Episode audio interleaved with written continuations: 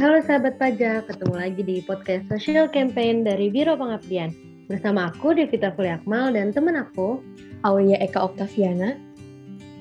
Halo Aul. Halo Dev. Gimana nih Ul kabarnya?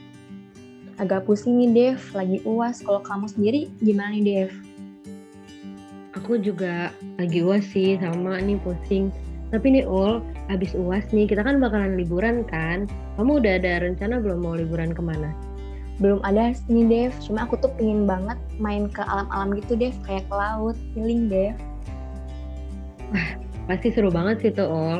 Oh iya Ul, ngomong-ngomong nih, kamu tahu nggak sih hari ini tuh hari apa? Hah, hari apa Dev? Nggak tahu aku. Nah, hari ini tuh memperingati Hari Laut Sedunia. Wah Dev, aku baru tahu loh ada hari laut sedunia. Thank you banget Dev. Nah, sama-sama Ul. Nah, makanya nih di podcast kali ini kita bakal ngebahas isu-isu tentang laut.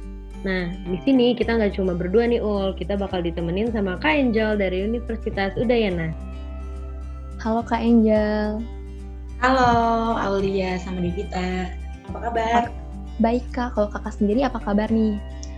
Aku kabar baik, thank you.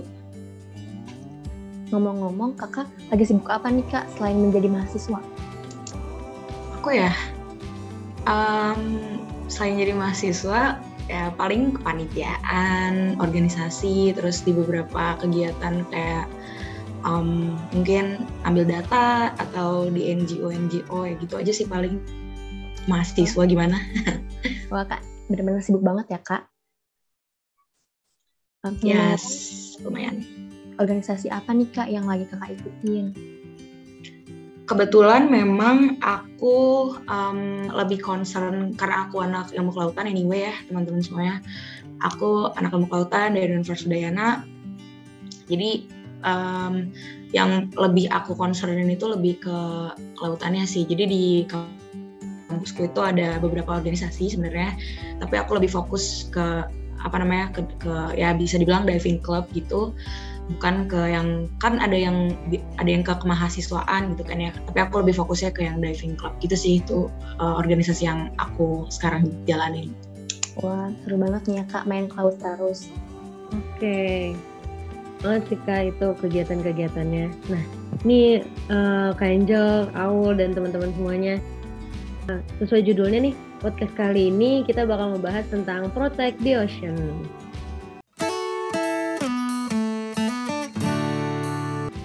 aku mau nanya nih ke Kak Angel nih, menurut kakak, apa sih hari laut itu kak? Hari laut ya? Sebenarnya um, waktu aku dengar topik soal uh, teman-teman semua yang mau bahas tentang laut dan karena ini ini lagi hari laut gitu kan, aku tuh cukup kaget gitu karena uh, jarang orang yang memang aware atau uh, sadar gitu tahu kalau misalkan sebenarnya ada yang namanya hari laut sedunia gitu. Nah kalau buat aku pribadi awalnya pun sebelum aku masuk ke dalam uh, konsentrasi bidang ilmu yang sedang aku jalanin, aku nggak tahu hari laut itu tuh ada atau enggak sama-sama mungkin teman-teman semuanya yang lagi dengerin mungkin nggak uh, begitu tahu gitu kan.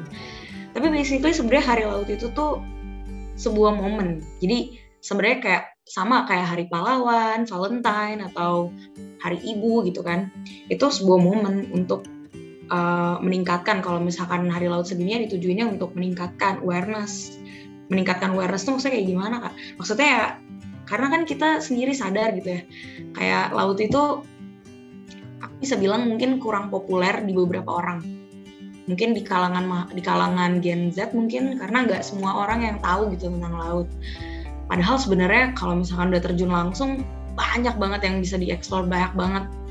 Aku sampai kaget gitu pas pertama kali tahu soal isu-isu kelautan, riset penelitiannya itu banyak banget. Jadi sebenarnya basically kalau singkatnya atau intinya hari laut ya, kalau menurutku sebuah momen untuk meningkatkan awareness masyarakat tentang pentingnya bagaimana menjaga ekosistem laut supaya uh, ekosistem laut ini nggak cuma kita bisa rasain sekarang aja tapi bisa terus sustain gitu berkelanjutan itu sih kalau menurutku.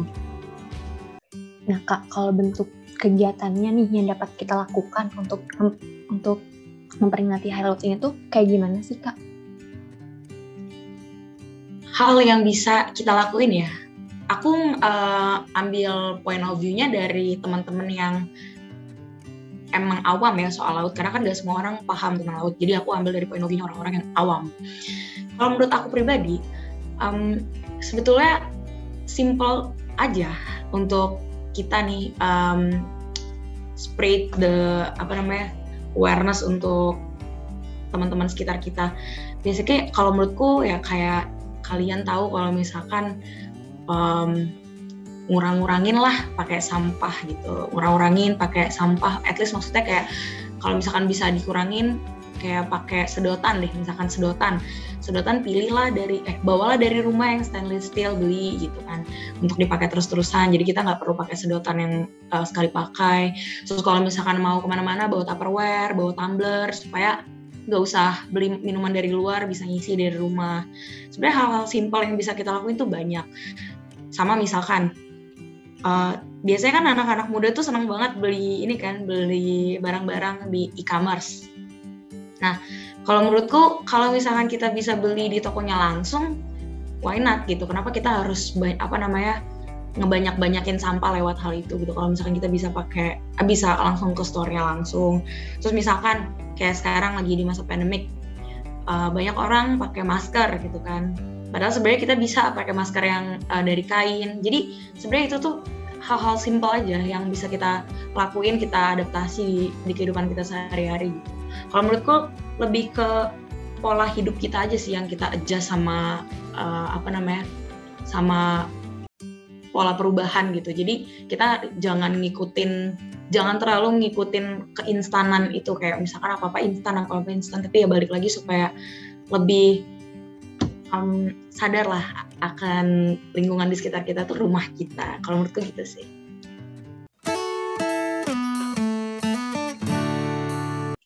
Eh, menarik banget tuh.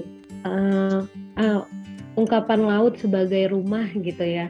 Biar kita tuh lebih aware lagi sama laut kita gitu. Oke, okay. uh, selanjutnya nih kak, pertanyaan selanjutnya menurut kakak nih, selain membuang sampah sembarangan kayak yang tadi udah dibahas, apa aja sih kak faktor-faktor yang menyebabkan kerusakan laut khususnya laut Indonesia gitu? Oke, sebenarnya ya teman-teman, uh, laut itu tuh rusak. Sebenarnya uh, aku tuh agak sedih kalau ngomong laut itu rusak. Sebenarnya laut kita tuh bukannya rusak tapi kita yang bikin dia rusak gitu. Laut kita tuh keadaannya bukan yang sampai rusak banget atau kayak gimana cuman banyak uh, banyak hal yang seharusnya nggak ada di laut tapi jadi ada di laut simpelnya kayak gitu. Jadi apa aja nih kegiatan-kegiatan atau hal hal-hal yang bisa bikin laut kita itu jadi rusak gitu kan ya. Balik lagi um, masyarakat pesisir sendiri pun banyak kan. Jadi kayak misalkan gini deh aku ngasih uh, analogi. Um, peningkatan apa namanya peningkatan tuntutan ekonomi kehidupan mereka aku ambil uh, wilayah pesisir gitu kan itu kan meningkat misalkan. Mereka meningkat kebutuhan mereka meningkat. Otomatis uh, laju pertumbuhan eh sorry laju pertumbuhan mereka meningkat kebutuhan mereka menjadi meningkat sehingga banyak kegiatan yang harus mereka lakukan gitu kan. Apalagi mereka di pesisir.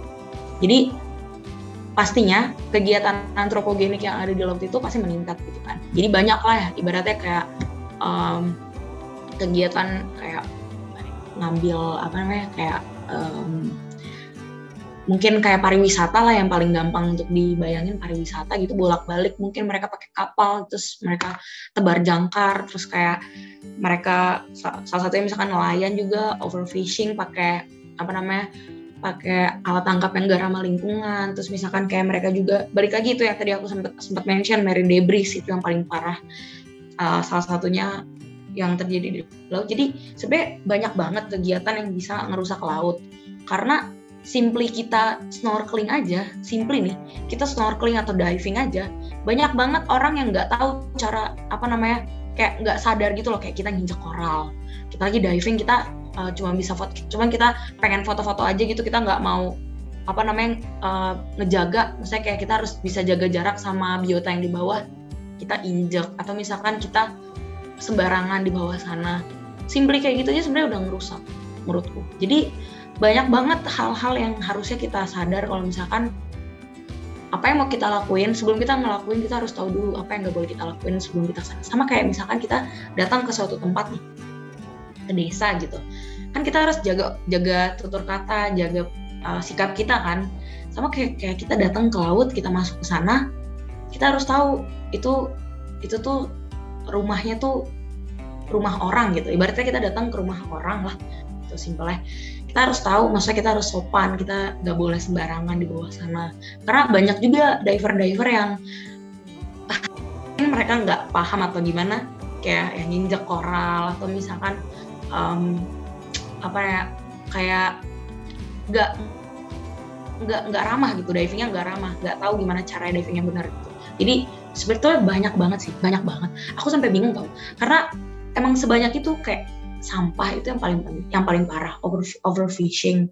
Terus uh, simply kayak kita bangun rumah gitu aja bangun pemukiman aja itu sebenarnya udah salah kan. Kita harus tahu gimana yang benar atau enggaknya untuk uh, bangun pemukiman atau misalkan mau apa namanya uh, bangun sesuatu di dekat laut. Karena ada juga wilayah konservasi. Jadi kan di laut itu kan nggak nggak cuman ada laut aja gitu kan banyak juga yang ada wilayah. Misalkan kayak laut ini tuh ini tuh wilayah konservasi nggak boleh ada ini ini ini ini. Ada SOP-nya ada regulasinya ada ketentuannya nggak boleh dilanggar. Jadi kayak banyak banget sih sebenarnya yang yang bikin laut itu rusak. Tapi yang yang tadi aku notice itu yang paling common sih. Gitu sih. Oke kak. Um, terus nih yang kakak tahu nih sebagai anak fakultas perikanan dan ilmu kelautan ya kak ada iya. nggak ya. sih organisasi atau perkumpulan gitu yang mewadahi untuk kita nih sama-sama ngejaga keindahan laut di Indonesia ini? Apa ya?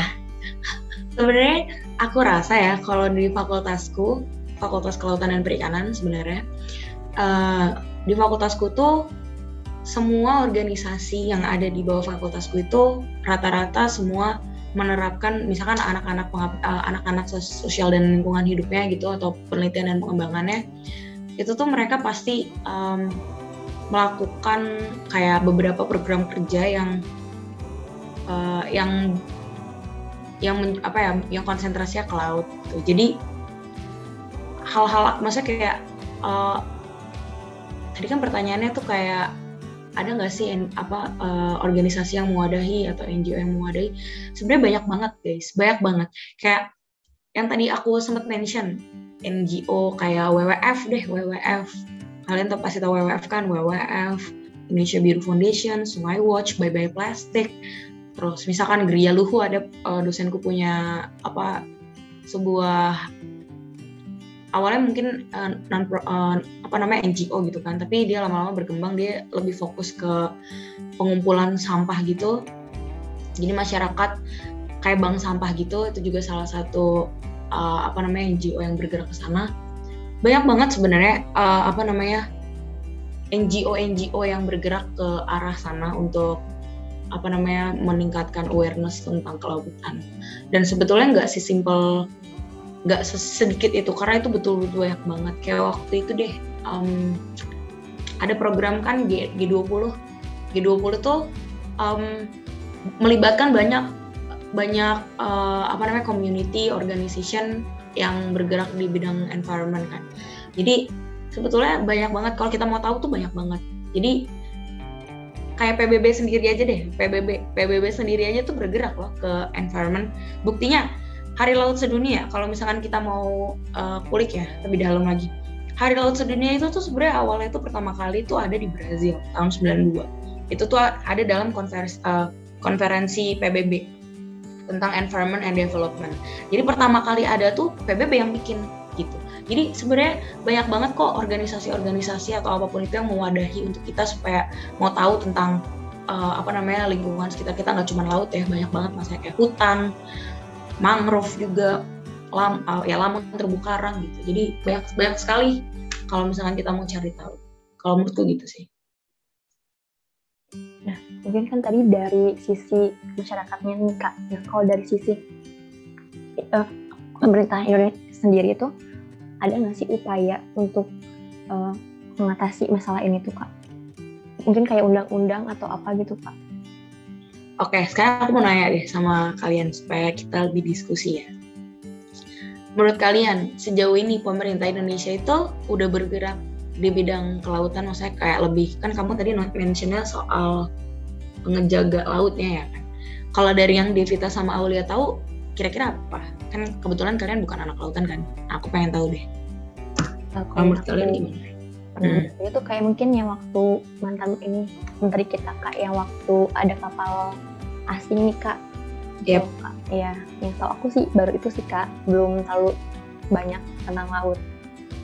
Ya itu salah satu isu yang menarik kan ya, maksudnya kayak Bu Susi kan itu yang tadi kamu mention. Ya jadi sebetulnya kalau pemerintah Indonesia yang aku lihat banyak gini Indonesia tuh Indonesia tuh um, punya banyak banget program uh, apa namanya untuk ngebangun gitu, untuk ngebangun laut. Banyak banget program. Cuman yang miris dan sayangnya adalah contohnya aku kasih contoh satu karena aku sempat terlibat langsung ke proyek ini. Jadi um, kayak ada kan waktu itu namanya uh, jadi program kerja pemerintah misalkan kayak salah satunya mereka mau bikin um, artificial reef uh, sorry Aulia sama Divita tahu gak artificial reef itu apa? Belum pernah dengar atau semua udah pernah dengar belum pernah dengar sih kak kalau aku. Belum. Gimana? Belum pernah ya? Jadi artificial reef itu tuh kayak terumbu karang buatan. Nah, jadi kan banyak nih laut-laut yang sekarang tuh mulai apa namanya kayak apa ya? Uh, kayak udah banyak kayak udah apa ya kosong gitu kopong apa ya bahasanya. Jadi kayak isinya rubble. Rubble tuh kayak pecahan-pecahan karang aja gitu loh. Jadi kayak terumbu karangnya udah nggak cantik lagi udah sedikit lah gitu jadi adalah program pemerintah itu untuk membuat artificial reef apa namanya coral restoration. Jadi kayak restorasi terumbu karang gitu. Jadi melakukan restorasi terumbu karang. Nah, restorasi terumbu karang ini tuh kalian tahu restorasi kan jadi kayak kita membuat merestorasi sesuatu supaya balik lagi ke apa sesuai dengan uh, bentuk habitatnya yang seperti awal. Itu itu tujuannya sebetulnya jadi pakai uh, pakai artificial reef mereka nanam pakai mungkin coral transplantation banyak metodenya. Aku juga nggak bisa mention di sini kalau terlalu dalam ya nanti. Jadi uh, program kerja itu tuh mereka nurunin banyak banget artificial reef beribu-ribu. Beribu-ribu. Tapi setelah itu um, apa gitu kan yang dilakuin? Sebetulnya kan yang kalau misalkan kita mau um, mungkin teman-teman bisa bisa searching gitu kan uh, artificial reef atau coral restoration di Indonesia gitu. Itu tuh balik lagi ya program dibuat anggaran dibuat tapi ya udah cuman apa namanya cuman dibuat saja gitu. Padahal sebetulnya kalau ingin melakukan coral restoration itu tuh harus ada monitoring gitu. Kita nggak bisa sembarangan bikin kayak kita oke okay nih kita bikin berapa ribu uh, artificial reef kita tanam kita turunin ke bawah laut tapi nggak ada monitoring. Jadi kita nggak tahu perkembangan kayak terumbu karang itu numbuh atau enggak. Apa namanya kita nggak pernah bersihin gitu nggak pernah di maintenance. Itu sama aja bohong gitu kan. Itu sama aja kayak kita naruh sampah ke laut gitu. Karena banyak banget artificial reef yang jadinya sampah di, di bawah laut gitu. Tapi nggak sedikit juga yang nggak yang berhasil kan. Banyak juga yang berhasil. Saya kayak nggak sedikit yang nggak berhasil. Jadi banyak juga yang berhasil. Contohnya kayak di Bunaken waktu itu kalau aku nggak salah ya sorry banget kalau salah ada digunakan dia pakai dari Mars ada jadi Mars itu bikin uh, dapat funding waktu itu dari luar terus mereka bikin apa namanya coral restoration gitu di, digunakan dan sebagainya banyak sekali. Waktu itu di Bali itu namanya ICRG ICRG itu ada di Bali Utara dan di Bali Selatan. Jadi sebetulnya regu, uh, kalau misalkan aku bilang apa yang pemerintah lakuin sesimpel yang aku tahu itu aja tuh udah ada gitu udah ada di, di, di depan mata. Cuman balik lagi um, hasil dari pembentukan hasil dari pembentukan kegiatan ini tuh mau di mau dilakukan secara terus menerus di monitoring di maintenance atau enggak gitu. Karena anggarannya juga besar kan untuk melakukan monitoring dan sebagainya. Dan juga biasanya orang-orang tuh uh, yang melakukan uh, restoration itu uh, jeleknya tuh ya males untuk monitoring dan maintenance. Padahal sebetulnya kita pertama kali menganggarkan ada ICRG dan sebagainya pun itu sudah besar gitu kan. Harusnya kan lebih baik kita monitoring dan maintenance supaya itu nggak sia-sia supaya itu nggak jadi sampah di bawah laut. Gitu sih sebenarnya kalau misalkan apa yang dilakukan sama pemerintah aku yakin banyak banget. Karena um, kayak uh, apa namanya batas-batas maritim aja itu yang yang tadi kamu yang Aulia tadi bilang soal Bu Susi itu keren banget gitu. Mereka uh, pemerintah itu sangat amat tegas gitu soal hal-hal itu gitu. Dan sebenarnya banyak banget kayak isu kelautan tuh kayak distribusi ekspor import uh, apa namanya uh, hasil tangkapan terus pengelolaan tangkapan.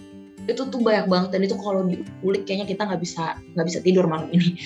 Tapi ya balik lagi sebenarnya banyak banget yang pemerintah lakuin untuk laut Indonesia untuk ngejaga. Karena kan salah satu uh, en, uh, salah satu benefitnya adanya artificial reef juga kan itu bisa jadi coral garden kan. Jadi uh, di bawah laut gitu bisa ngelihat banyak terumbu karang yang lebih cantik yang baru-baru tanam gitu kan. Jadi kayak lebih meningkatkan keindahan juga kan sebetulnya. Estetika gitu kalau kita diving dan sebagainya itu kan keren banget kan. Gitu sih Aulia.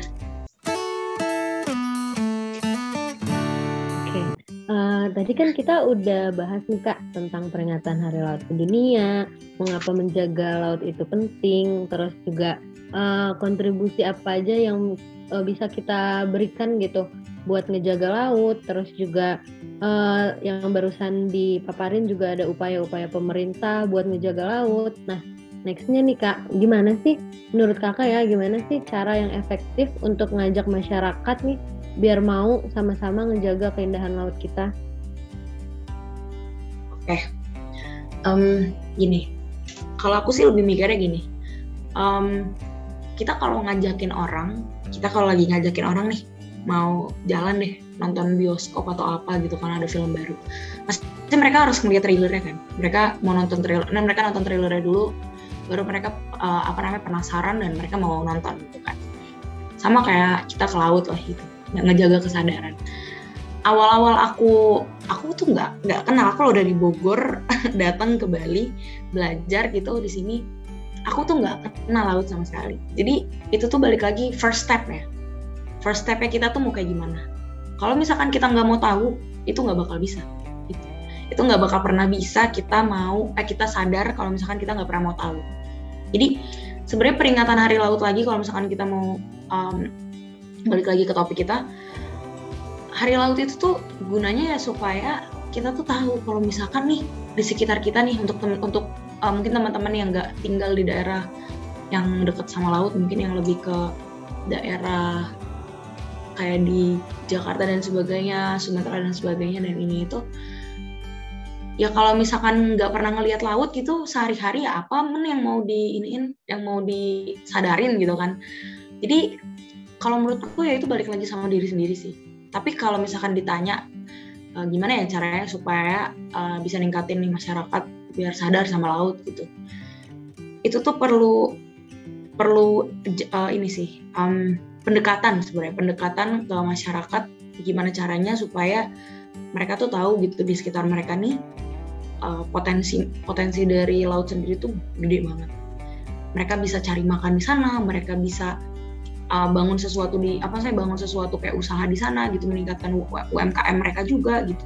Supaya mereka juga tahu kalau misalkan di sana mereka nggak cuma bisa nyari uang bisa liburan juga. Jadi kayak balik lagi sih itu harus pendekatan dan uh, karena kita minimnya literasi khususnya literasi kelautan di Indonesia ini khususnya di anak muda loh anak muda tuh kerawan juga sebenarnya literasinya jadi balik lagi itu tuh kesadaran sih sebenarnya kesadaran. Dan itulah pentingnya ada ya ada ya hari laut itu sendiri ya. Karena mau kita nggak mau kita gembar-gemborin uh, apa namanya tentang hari laut sebagaimanapun kalau misalkan orang yang nggak pernah mau lihat mau tahu ya nggak bakal bisa sih menurutku. Bukan nggak bakal bisa sih lebih kayak lebih sulit lebih sulit untuk di apa namanya dikasih tahu gitu. Aku tuh pertama kali jatuh cinta sama laut tuh waktu aku pertama kali belajar diving sebenarnya. Aku waktu itu uh, karena aku di sini ada mata kuliah wajib uh, selam kan aku belajar selam terus aku ngambil license. Aku pertama kali diving ke laut itu aku kaget banget kayak oh my god ini gede banget coy. Buset kayak wow gila gue nggak nyangka kayak segede gini coy gitu. Dan kayak aku norak gitu kan awalnya kayak oh my god ternyata laut uh, ternyata terumbu karang tuh kayak gini bentukannya. Karena dulu kan kayak praktikum kita cuma ngelihat uh, sampelnya aja kan. Tapi ini tuh kayak aku tuh bener-bener masuk ke dalam laut aku masuk aku lihat sampai waktu itu kan karena aku baru baru bisa sampai 18 meter uh, aku sampai ke 18 aja tuh aku udah kayak takjub banget gitu loh. Karena karena yang kayak mungkin orang taunya tentang terumbu karang aja terumbu karang ikan karang gitu kan balik lagi ikan karang tuh beda loh sama ikan air tawar. Kalau ikan air tawar kan kita konsumsi yang bentuknya mungkin kurang estetik lah ya bisa dibilang. Tapi kalau ikan karang tuh enggak. Ikan karang tuh warna-warni dan itu tuh cantik-cantik banget. Banget. Kayak contohnya deh Nemo. Nemo itu kan lucu banget kan? Dan itu kalau misalkan kalian bisa lihat langsung di bawah laut itu keren banget asli. Itu mungkin sebatas Nemo. Sedangkan laut ikan karang tuh kayak banyak banget. Banyak banget. Jadi pertama kali aku jatuh cinta itu karena aku mau tahu aku mau mau belajar sebetulnya. Dan setelah aku terjun langsung ya ini aku nggak bisa lepas aku udah uh, ter, terjatuh jatuh cinta sama laut. Jadi kayak gimana ya kalau mau meningkatkan kesadaran masyarakat menurutku yang paling tepat dan paling mudah untuk kita lakuin ya pendekatan sih sebenarnya. Kita kasih tahu kita bantu untuk literasi kelautannya kayak ke anak-anak kecil supaya mereka tuh tahu lah. At least tentang laut itu nggak sesimpel cuma ada terumbu karang sama ikan karang sama mungkin teman-teman tahu lamun nggak sebatas itu doang nggak sebatas sampai mangrove doang. Ternyata di bawah sana tuh banyak banget. Bahkan kalau misalkan uh, sering nonton fact-fact gitu fun fact fun fact gitu banyak banget gila yang belum bisa dieksplor di laut karena ya itu sangat besar dan sangat dalam. Itu sih kalau menurutku Oke, benar banget sih Kak. Mungkin uh, juga aku rangkum sedikit ya, mungkin uh, pendekatan menjadi penting gitu dan literasi juga penting uh, untuk meningkatkan apa ya uh, awarenya masyarakat gitu dan teman-teman yang lain tuh untuk menjaga keindahan laut gitu ya Kak. Betul banget. Nah, Betul. mungkin yang terakhir nih Kak, apa okay. sih harapan Kakak nih ke depannya terkait uh, laut ini? Harapan aku ya. Harapan aku tuh aku pengen banget kalau misalkan anak-anak muda zaman sekarang itu ini aneh sih. Aku pengen banget teman-teman semuanya tuh ngerasain diving. Jadi kayak sekali deh ngerasain kayak gitu ya sumpah. Itu tuh kayak aku yakin banget pasti kehidupan selanjutnya tuh kita tuh lebih kayak uh, apa ya mau ngelakuin sesuatu kita mikir gitu loh. Jadi kayak sayang banget nanti kalau misalkan gue kayak gini kayak gini. Jadi kayak lebih dapat gitu feeling jadi intinya aku pengennya ya anak-anak muda tuh cobain deh apa namanya main-main ke laut. Tapi tapi mainnya tuh lebih apa ya ramah lingkungan lah. Maksudnya liburan ke sana terus cari tahu gitu. Aku pengen banget literasi literasi kelautan anak muda Indonesia itu tinggi gitu. Jadi uh, apa namanya banyak yang bisa kita kembangin, banyak yang bisa kita bangun di sini, banyak yang bisa kita lakukan gitu. Karena laut itu tuh sebetulnya karena aku dari tadi ngomongin sebenarnya lebih ke marine biologis ya kan. Sebenarnya banyak banget, banyak banget kayak um, kalau misalkan kita mau belajar lebih gitu kan soal laut, banyak banget kita bisa ngelakuin riset penelitian, kita bisa ngelakuin pemodelan mungkin di laut ada apa nih sekarang suhu permukaan laut mungkin meningkat atau density-nya bagaimana, salinity-nya bagaimana. Jadi parameter-parameter oceanografinya dipelajari, terus kita melakukan riset tentang oh, yang lagi hype juga sekarang perubahan iklim, climate change. Itu kan isu-isu terkini, terkini banget kan. Kita bisa lakuin uh, misalkan riset tentang impact tourism ke climate change mungkin atau bagaimana. Jadi kalau misalkan kita tahu seberapa besar potensinya.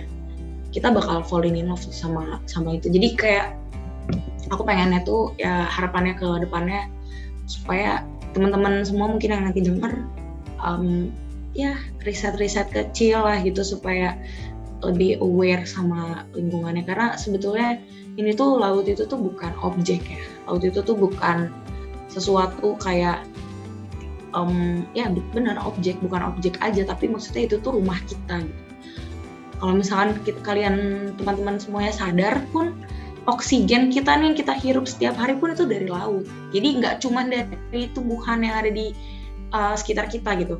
Karena kan ada juga yang namanya uh, kalau misalkan teman-teman tahu uh, blue carbon. Blue carbon itu dari mana? Itu dari laut. Jadi yang kita hirup setiap hari itu nggak nggak semata-mata semuanya dari green carbon tapi juga dari blue carbon.